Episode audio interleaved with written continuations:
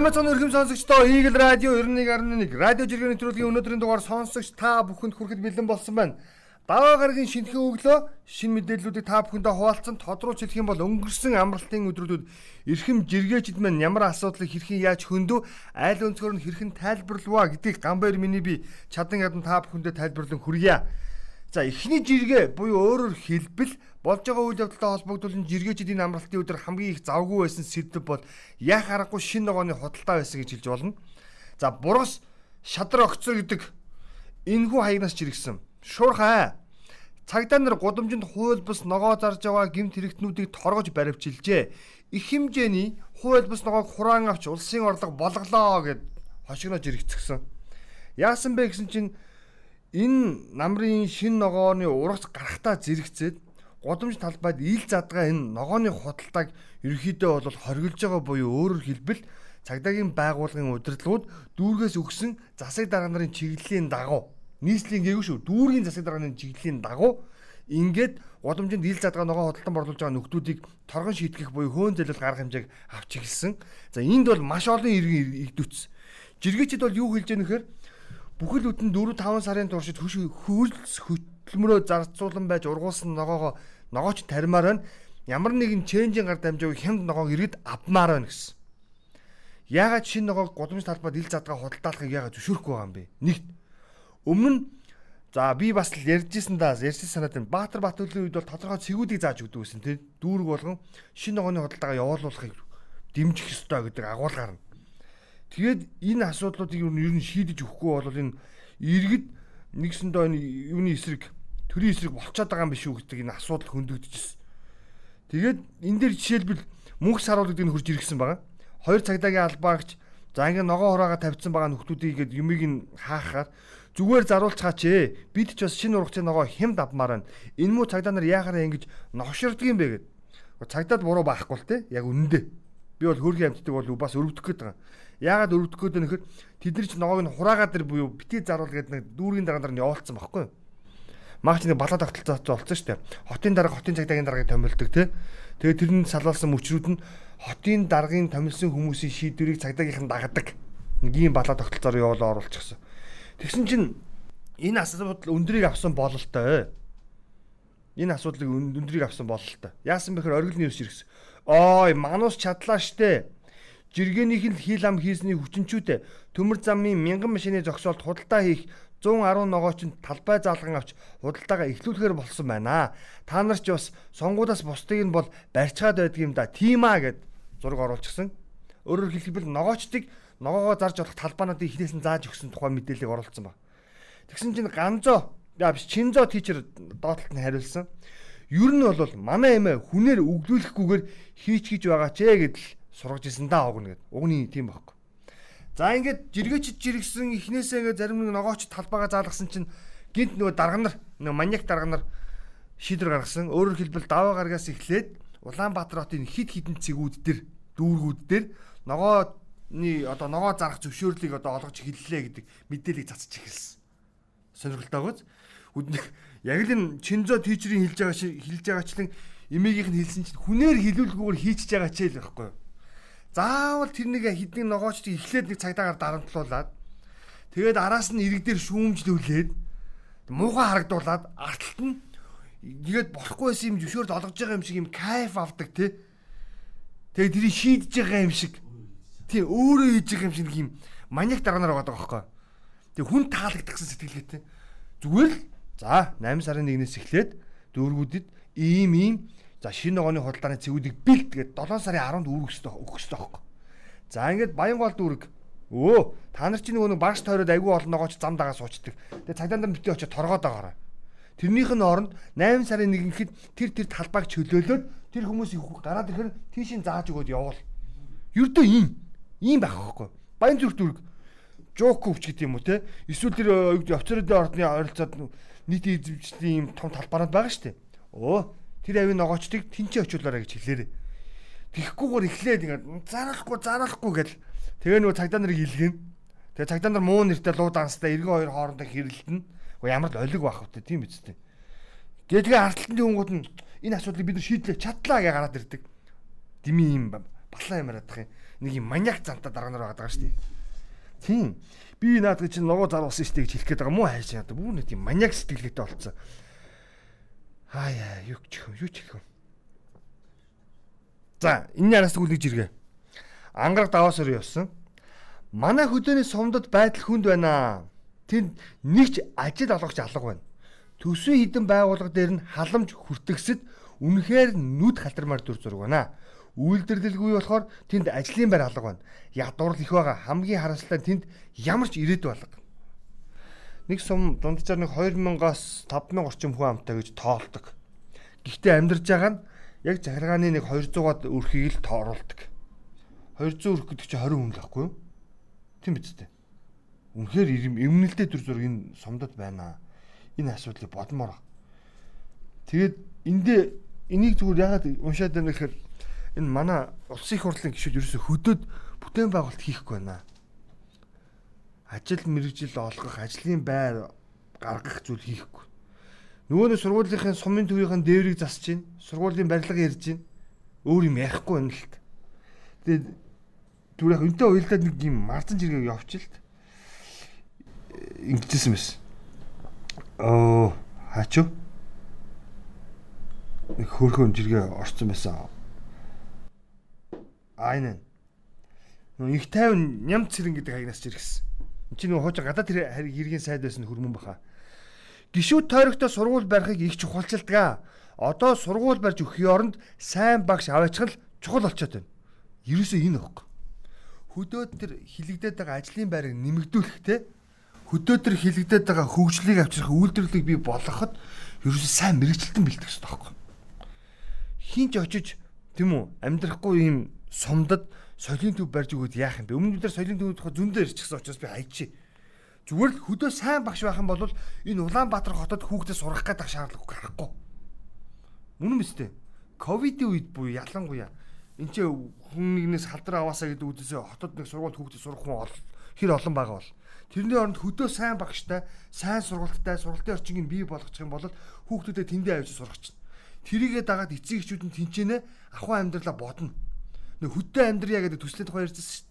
Залуучууд ерөөхдөө бол бас нэг хэсэг нь нэг үе нь бол одоо 100 залуу байхад хоёр ширхэг нь бол хөдөө яваад байгаа шүү. Бас чиж. Гэхдээ их хвчлэн амжиргаа дагсан хөдөөгөө нөгөө зам дагсан хөдөөгөө сонгож байгаа л да. Энэ бол тэдний буруу биш. Гэхдээ тэнд чинээр юм хийх боломж байна гэдгийг бас харж чадах. Тэгвэл бусад хөдөөгөө бас яг ийм байдлаар тэр сайн багш нарыг нь аваачих хэлбэрээр. Эхлээд тэгвэл бүгд тэр юу вэ л да. Маш сайн багш нарыг аваач хөдөг. Хөдөөгийн сумдад нэг суманд одоо маш сайн одоо 5 багш аваач.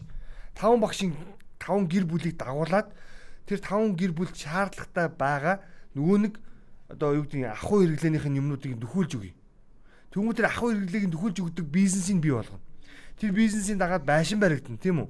Байшингийн дагаад ажлын байр бий болно. Ингээд ингээд уг нь шоргоолжны үлгэр шиг явчмаар байгаа байхгүй. Яагаад ийм хийдгүү би бүр гайхаад байгаа. Тэгээ би нэг тайван сайд ассан гэж хэлэх үү? Энэ хүний жиргэг бол их магтсан, бодсон. Энэ улсын хурлын гишүүд сургуульд тойрогтой очиж суу байшин барихгүй. Зүгээр л тэнд ажиллах боловсон хүчнийг бэлдэж өг, амьдрах орчныг бэлдэж өг. Тийм үү? Тэгэх юм бол эдгээр чи өөрсдөө өөрөө өөрснийгөө хөгжүүлээд явчихнаа л гэж хэлэх гэдэг.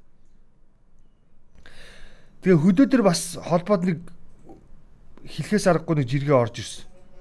Яасан бэ гэсэн чинь хөдөөний зовлон ойлгосон нэг хүн гинт гарч ирсэн яасан бэ гэд хэлсэн чинь ингэж л та. Аа хаана лээ? Устгагдсан юм шиг байна. Алга болчих бас. Аа энэ. Баясаа гэдэг хаянаас. Малчтаас ягаад татвар авдгүй юм бэ? Энтэр гэж бичиж байсан үгээ би юу н буцаахаар шийдлээ. Үнэхээр хүнд хэцүү бэрхийг даван тулж байгаа хүмүүс малчтал юм байна. Уун зөвлөлтөө. Зөв. Зөв ойлгож ийн хүн. Гэхдээ харилцаа адилгүй баяа л гэж бид нөгөө нэг малчтад тодорхой хэмжээний урамшуулал янз бүрийн малт нь хонд нь ямаанд нь үхэрд нь мөнгө бодож өгöd идэг шүү дээ тийм ээ. Тэгээ тэр бол зөвлөлөө. Дийхтэй хөдөлмөрийг нь үнэлж байгаа энэ хэлбэргээд бид нар энэ малчтынхаа энэ босод одоо эдийн засгийн эргэлтэнд оруулах юм гэдгийг бас дэмжмээр байгаа байхгүй. Тэр хэлбэрээр бид нар татвар авах гэдэг юм л та. Малчтыг дэмжих замаар өөрөөр хэлбэл татвар авахын оронд бид нар малчтыг дэмжих замаар бас малчтын амжиргааг бас өөдөн татчих юм бол биднэрт ирэх нөгөө түүхийд болоод мах сүсүн бүтээгдэхүүнүүдийн үнэн өртөг нь бас хямдхан болох юм аа. Сүүлийн үед нь өөх тостой махнууд нь ч үнэтэй болчлоо. Жинхэнэ сайхан цэвэр ааруул өрөмөндний үнэтэй болчлоо. Нөхдөл нөгөө амжиргаагаа дагаад байгаа юм л та. Тэгээд бид нар энэ малын түүхий бусад гаралтай бүтээгдэхүүнүүдийг хөгжүүлэх замаар бас энэ малчтай хөгжүүлмээр л байна.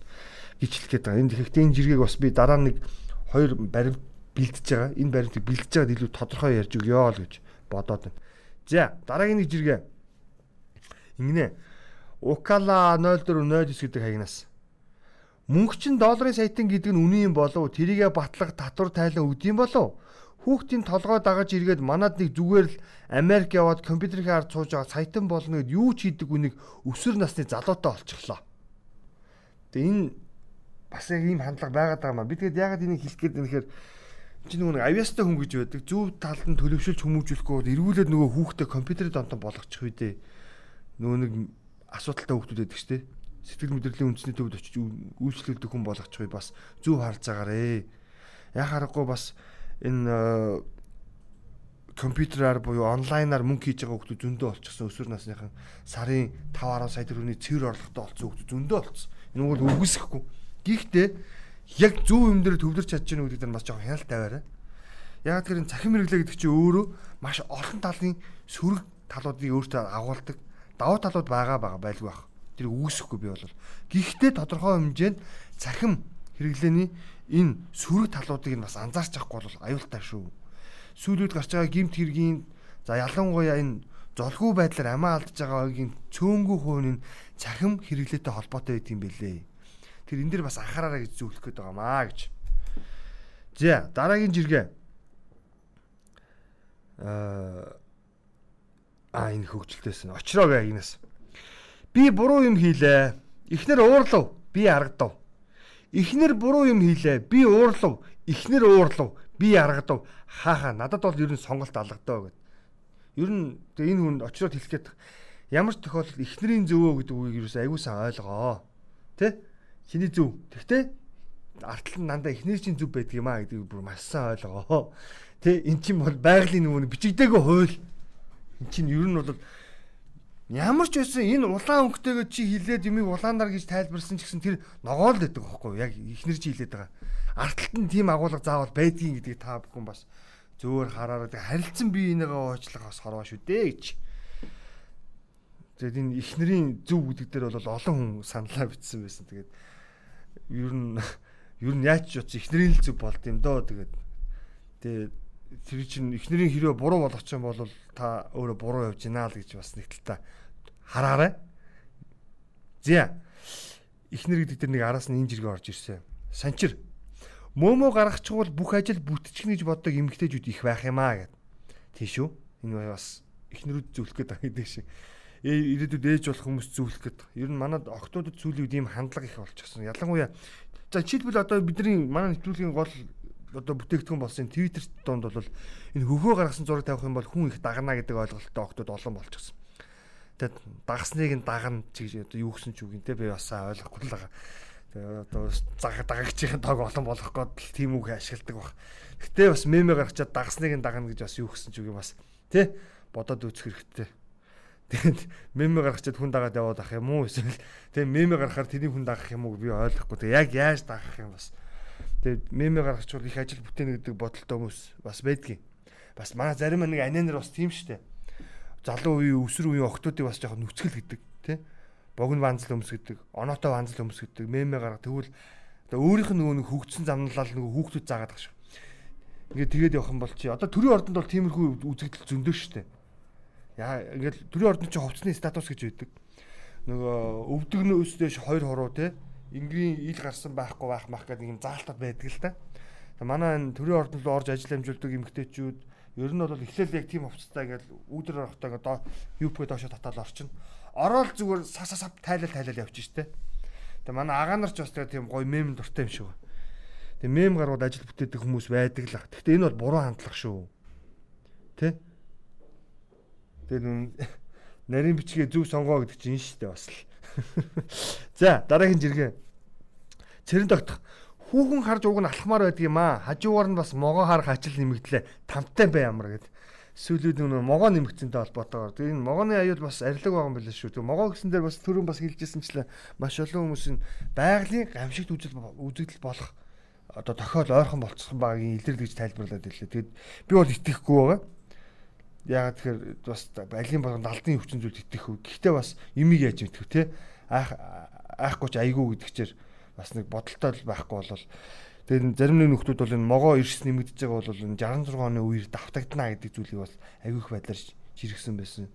Тэгээд ер нь бол энэ могооч өөр бол усын амтан тус хэлгэнж байгааг нэг хэлбэрээ эхлээд нүүн төлөөлөгчөө болж айлгаж байгаа. Тэгээд дараа нь энэ хэрээр ус орж ирнэ ч гэх шиг нэг сонь сонь тайлбар бас яваалаа юм л. За энэ нэг асуудал дагуулсан чигэргээ байсан. Бат хуульч Батгуугийн жиргээ. Гэрлэлтийн гэрээ хийж Дадахгүй бол салалтанд эртнээс бэлдсэн тал нь хожоод гинэн цайлган тал нь хохироод дуусч байна.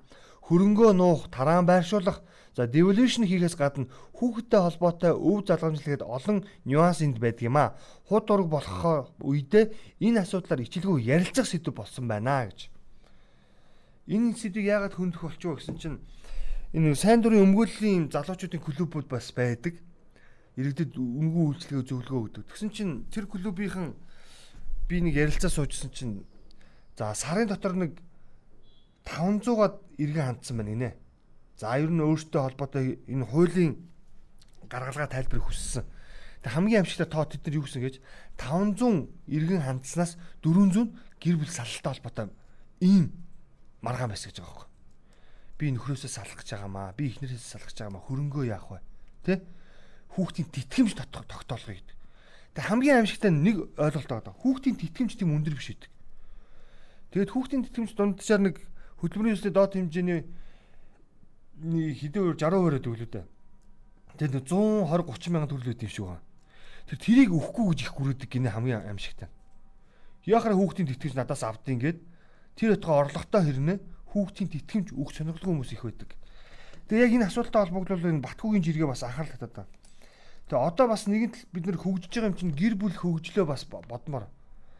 Залуу гэр бүлүүд эхнэр нөхрүүд магадгүй хамтран амьдрагчаар амьдарч байгаад хүүхдтэй болчтой гэрэлтэй батлуулгүй явж байгаад хүүхдтэй болч тохиолдлууд манай нийгэм түгээмэл. Тэгэд эргээд нөгөө нэг яг нарийн гэр бүлийн харилцаанд ороод ирэхээр бас үйл ойлголцох явдлуудаас үүсээд салт гэдэг зүйл бий болоод байгаа. Тэгэхээр ийм нөхцөлд яах вэ гэдэг дээр маш бодолтой байх бид нар Европынхны ямар амар вэ гэдэг өөртөө бас яг тэр зам руу орчихсон байна. Маш олон гэр бүл жишээлбэл энэ хөрөнгөө тараан байршуулдаг хэлбэрүүд маргаанууд бол зөндөө сонссон. Өөрийнх нь нэр дээр биш тий. Иргэн тойрныхоо хамаатан цаатах нэр дээр байршуулцаад тэгээд зүгээр салаа явчихдаг. Салаа явсныхан дараа бүх хөрөнгүүд өөрөө авдаг нэг юм юмнууд гараад идэг болчихсон. Тэг хүний мөсөндөө биш л дээ энэ. Зүгээр нүг нийгмийн харилцаа өөр юм байгаа. Хүний хөгжүүлээд байгаа. Тэгэхээр магадгүй та нэг эмэгтэй хүн эргүүлж байгаа эсвэл та нэг эрх залуутаа үерхэж байгаа бол үнэхээр суухж байгаа бол хоорондоо бас энэ сэдвэр нэг ярилцаад үзэрэй гэж зөвлөх гэдэг. За бид тэр амьдралаа холбоод ингээ гэр бүл салалт тий магадгүй эхнэр нь нөхрөө хуурсан тохиолдолд тий ингээ хэрэг маргааны буюу өмч хөрөнгийг хуваахта тэдэн үеийн шилжүүлнэ. За хэрвээ нөхөр нь эхнэрээ хуурсан тохиолдолд өмч хөрөнгийн маргааны тэдэн үеийн тэтэлтэн шийднэ гэд ийм гэрээнүүдийг давхар хийдэг болооч гэж зөвлөд байгаа юм бэл. Тэгэд энэ хуульч Батгүйн асуудлаас өмнө бас зөвлөж ирсэн. За хоёр талаасаа нийлэхдээ Монгол уламжлалаа одоод за эхнэр нь жишээлбэл нөгөө данхаа тэг галтгоогоо ортоогоо авчирдаг. Нөхөр нь гэрээ бэлддэг гэж янз бүрээр байдаг. Одоо бол хоёр талаасаа ярьж байгаа за байрныхан 30% тэдэн тэр нь гаргана, энэ нь гаргана. Ингэдэг гэдэг асуудлууд илүү арай өөр болцсон. Тэгвэл яг тэрнтэй адилхан өмч хөрөнгийн маргаантай холбоотой асуудал, үр хөвгттэй холбоотой асуудлууд тэр яг гэрлэлт эхлүүлэх үедээ бас давхар ярьж явах сэдв юм байлээ шүү. Нүүн гай газар доороос ихчээр ямар чөтгөр нь хурж ирээд ямар хээрийн салхи нь хурж ирээд таны чихэнд юу гэж шимчиг хэлж мэдэхгүй бид нар те. Мэдээж хэрэг салахгүй байх л чухал. Магадгүй эрсдэл үүсвэл гэдэг юм а бас тооцоолж бас та бүхэн маань нэрлэж чичлгүүгээр те энэ асуудлаа давхар хийдэг байгаасаа гэж зөвлөх гээд байгаамаа гэж. Залуу гэр бүлүүд бас энэ сэдвэр хоорондоо ярилцаад үзээрэй. Ийм асуудал үүсвэл гээд За дараагийн жиргээ төрөө PhD. Нууц амрагийнхаа дугаарыг утсандаа Love Battery гэд оруулчихсан. Залгахт нь би хол байж тааруул ихнэр харчхад цэнэглэгчэнд нь авчиад залгах гэдэг юм а гэд бас залтай ирээ байгаа шүү. Тэ? Тэгээд ер нь нууц амрагийнхаа дугаарыг хадгалахгүй байхад хамгийн зөв арга штэ. Хэрвээ болцсон тохиолдолд. Тэгэд энэ нууц амраг гэдэг дээр өмнө наран төгсчдөр бас ярьжсэн юм аа. Ер нь нууц амрагтай байлгахгүй байх шалтгаан бол манай нийгэмд байна. Боломж бас байна. Тэгээ ямар нөхцөлд нууц амраг гардггүй гэдгийг бол янз бүрийн байдлаар тайлбарлаж болно. Хувь хүнтэй нь холбуулж болно тий. Эсвэл гэр бүлийн нөхцөл байдалтай холбон тайлбарлаж болно. Эсвэл нөгөө нэг ад тэтгэрийн мэд харагддаг хүүхнүүдтэй холбон тайлбарлаж болно. Энийг бол ямар ч байдлаар тайлбарлаж болно. Гэхдээ хүнийг нөгөө нэг хоёр дахь амьдрал буюу нууц амьдралтай болохгүй байхны шалтгаан энэ нийгмийг бий болгоход ерөөсөө эрх зүйн ганцхан зохицуулт хэрэгтэй. Яах вэ гэхээр нөгөө ягааны годомжийг бий болгох хэрэгтэй байхгүй. Бид нэр хүлээн зөвшөөрөгдсөн ягааны годомж гэдэг зүйлийг хуулаараа бий болгож чадвал годомж тийм үү? Энэ годомж шүү дээ. Үйлчлэлийн газар бий болгож чадвал энэ гэр бүл салалт гэдэг зүйл чинь бий болохгүй. Мөн үү? Энэ нэг хоёр дахь амьдрал буюу нууц амраг гэдэг ойлголт бий болохгүй магадгүй нэг эрэхтэй тийм ээ магадгүй нэг эмэгтэй гэр бүлийн харилцаанаас өөр харилцааг хүсэх ийм нөхцөл байдал үүсвэл тэр газараар очиж үйлчлүүлээд тэр хэрэгцээг хангачна мөн үү а гэхдээ тэр газар нь ямар байх вэ гэхээр хуулийн дагуу. Нэгт эрүүл ахуйн зүй ёсны шаардлага хангасан. Хоёрт хувь хүний нууцлыг дээдлэр хадгалах гихчлэн маш олон тийм олон улсын ширнүүд байдаг. Би нэг хүсэж байгаа юм биш л дээ. Би зүгээр нийгмийг зөв байлгаасаа л гэдэг үгээс тайлбарлах гэдэг Японд жишээлбэл тухайн газар руу орж байгаа хүн монголчуудын цөөхүүлээ ядж зах те. Цэвэр чимтгийг хэлэхүү. Тийш аа тэр орж илээ энэ орж илээ гэдэг аюул хідэн шар сонныхан шар сайтын аюул баахан папрацтад балааг нь аа. Тэгтэл Японд бол тиймэрхүү газар дээр орж үйлчлүүлж байгаа хүмүүсийн нууцлыг хадгалах зорилгоор газар доогоор машинтаа н оруулдаг. Тэгээ аль өөрөө хідэн дотор нь орсон мэддэггүй. Лефтээр шууд өрөөнд хүргэгддэг. Нэг ийм объектуудыг бий болгоцсон байт юм бэл.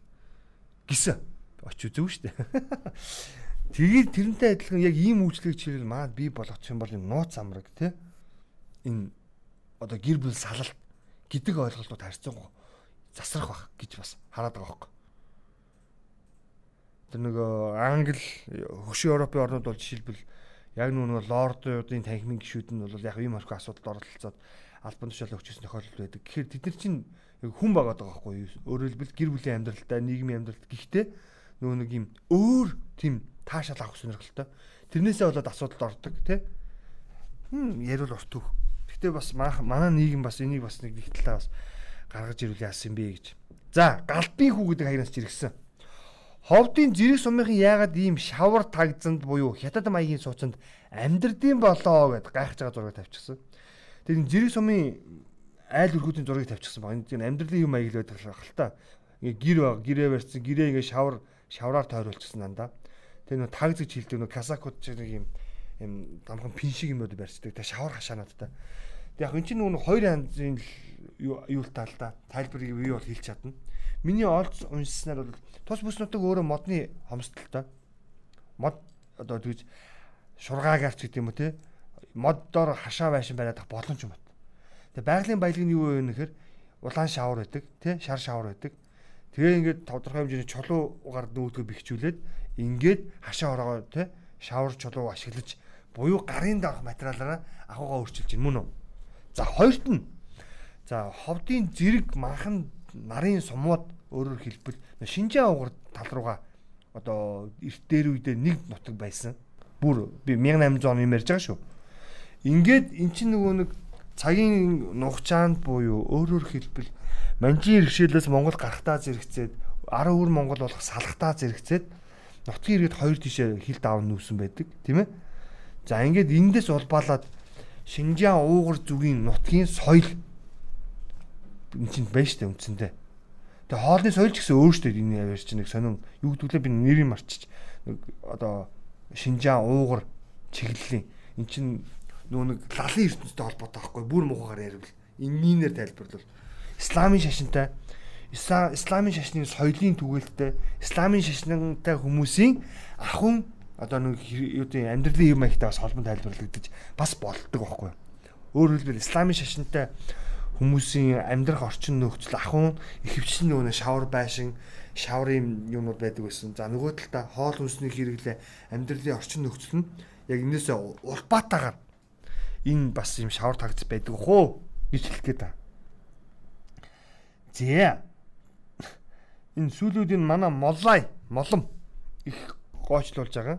Дараагийн нэг гоочлогоо энэ Бадраа гэдэг хаягдаас жиргсэн байсан. 3 сая хүн байхад молон маань яг болохгүй бүдэхгүйг нь олж уулзаад байдаг болчих юм аа. Мурат давда молон минь гэсэн. Улсын хурлын гишүүн бас Мураттай зураг авахулж гисэн байгаа зургийг тавьсан. Мурат гэдэг гишүүн маань ч нэг хүчирхийллийн асуудалтай тий. Билгийн нөгөө түрүү яриад байсан. Ёс бус одоо сонирхолтой байлээ шүү дээ. Энд чинь бас цахим орчин зураг мурга байршуулдаг.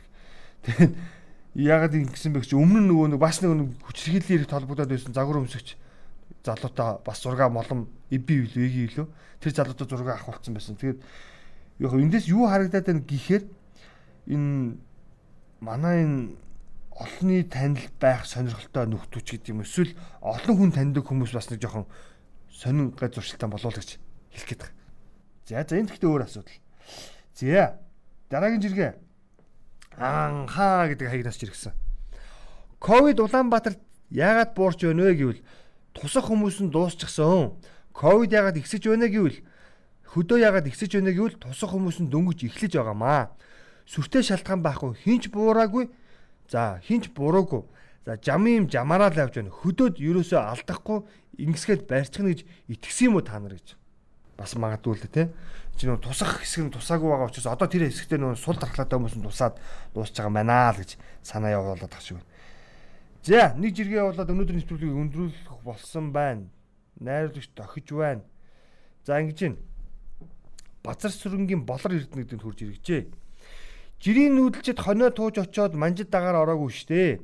Аль хөрөнгөдөө яндагтай нь хамаг ухаанаа уралдуулсаар байгаад үр дүн нь тийм болж байсан. Өнгөрсөн 30 жилд ч гэсэн урд нь байсан хідэн хүний заасан бодлого түүнийг нь дагаад энд хүрсэн байдаг. Өнөөдрийн сэхэднүүд ч мөн огтхонч дээрдэггүй дүрдээ баг ороод танархсан. Бас бодмоор үг байгааз. Яг л дээ жирийн малчид монголчууд бас л хонио тууж аваачаад манжид дагаар орчоогүй манай тухайн үеийн баг ноёд те баг хаатын үеэс улбаатай ноёдууд хатаг яндар хамаг юма барьсаар агаал хэрэгэм цолны төлөө гүйсээр агаал манжидны иргэшэлд орж исэн. За үүний үүнээс хойш Монголын түүх юу гүйтсэн бэ гэхээр ард олны тэмцэл эсэргүүцэл ноёдын дарлалыг эсэргүүцэж за ингээд 70 жилийн түүхээ бид нар босгосон. Тэгвэл нэг нийгэм бас л 70 жил юу ямар тогтолцоонд очисон бэ гэхээр нэг дарга нарын дарга шүтсэн нийгэм рүү очисон Тэ? Илүү ям бидэлдэг сайд нарын зөвлөлөөс бид нар залхаж эхэлсэн. Ингээд бид нар арчилсан нийгмийг дахиад л арт түмний хүсэл зоригийн бас бий болгосон. А тэгээд арчилсан нийгмийн үр дүнд юу болсон бэ гэхээр дахиад хөрөнгөтөн хүмүүс толгой дээр сандаалan суучглаа. Тэ? Яг одоо бол мөнгөтэй хүн хөгжмөө захиалдаг ийм нийгмийг бүтээч эхлэв. Өмнө нь бол сэтэр авахын төлөө одоо нийгмийг бүтээжсэн бол дараа нь бол дарга байсныхын төлөө те дарга шүтсэн нийгмийг бүтээж ирсэн. Дараа нь бол одоо бол мөнгөтэй хүн хөгжмөө захиалдаг нийгмийг бид нэр бүтээж эхлэв. Дараагийн нийгэм юу вэ гэж бас бодоорой. Тэгээд бас хэлж байгаачлан дүрдээ бага ороо та нар гэж.